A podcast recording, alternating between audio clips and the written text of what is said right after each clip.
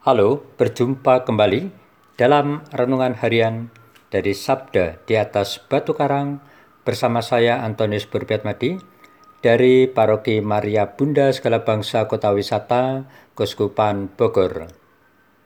Saudara-saudari yang terkasih, hari ini Rabu tanggal 12 Januari adalah hari biasa pekan pertama.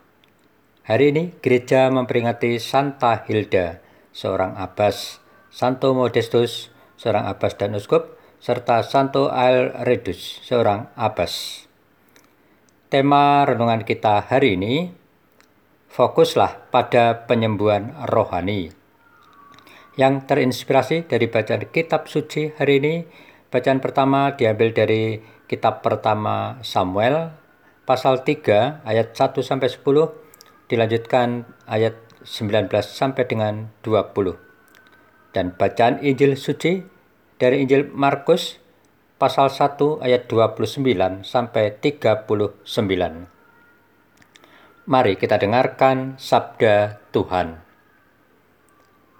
Sekeluarnya dari rumah ibadat di Kapernaum, Yesus dengan Yakobus dan Yohanes pergi ke rumah Simon dan Andreas. Ibu mertua Simon terbaring karena sakit demam. Mereka segera memberitahukan keadaannya kepada Yesus.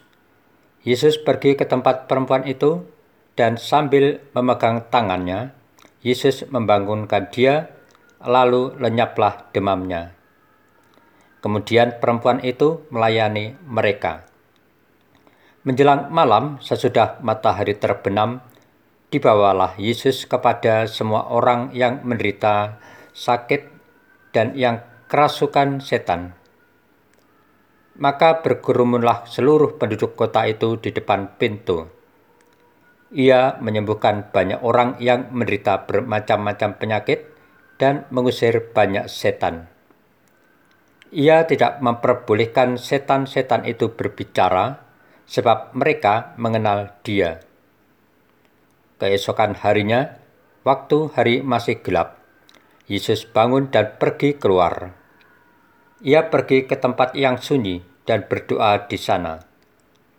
Tetapi Simon dan kawan-kawannya menyusul Yesus.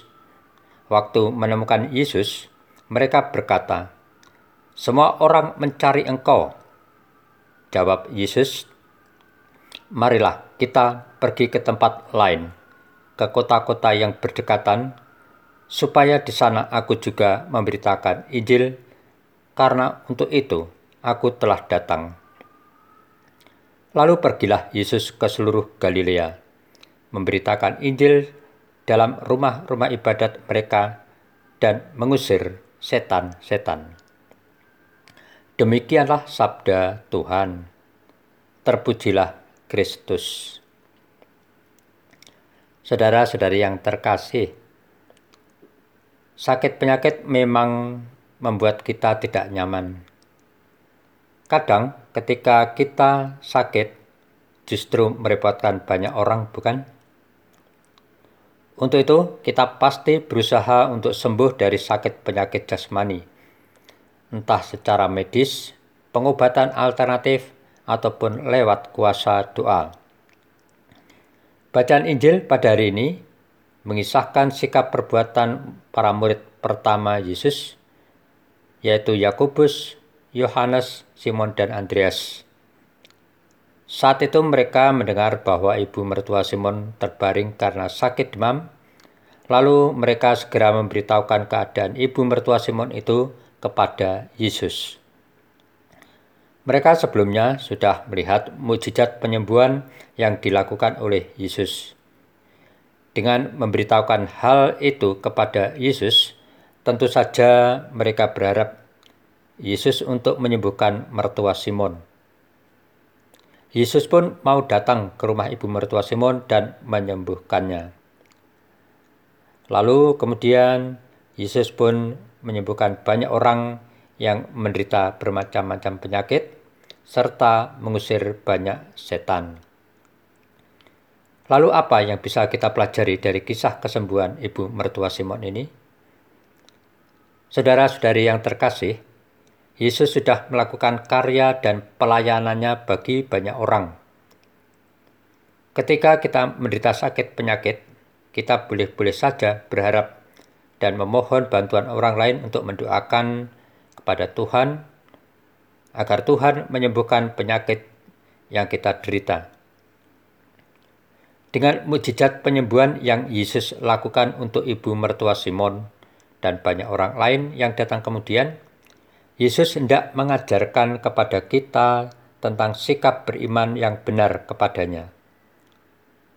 Dari peristiwa penyembuhan ibu mertua Simon, Yesus hendak mengajak kita pertama-tama untuk tidak memusatkan perhatian diri kita hanya pada kesembuhan untuk kesehatan fisik atau jasmaniah kita belaka. Melainkan, hendaknya kita fokus pada kesehatan rohani atau iman kita. Nah, sebagai orang beriman, bukankah Yesus melalui gerejanya yang kudus, sudah memberikan sarana penyembuhan baik untuk jasmani ataupun sakit rohani, yaitu melalui sakramen Ekaristi, rekonsiliasi, dan pengurapan orang sakit.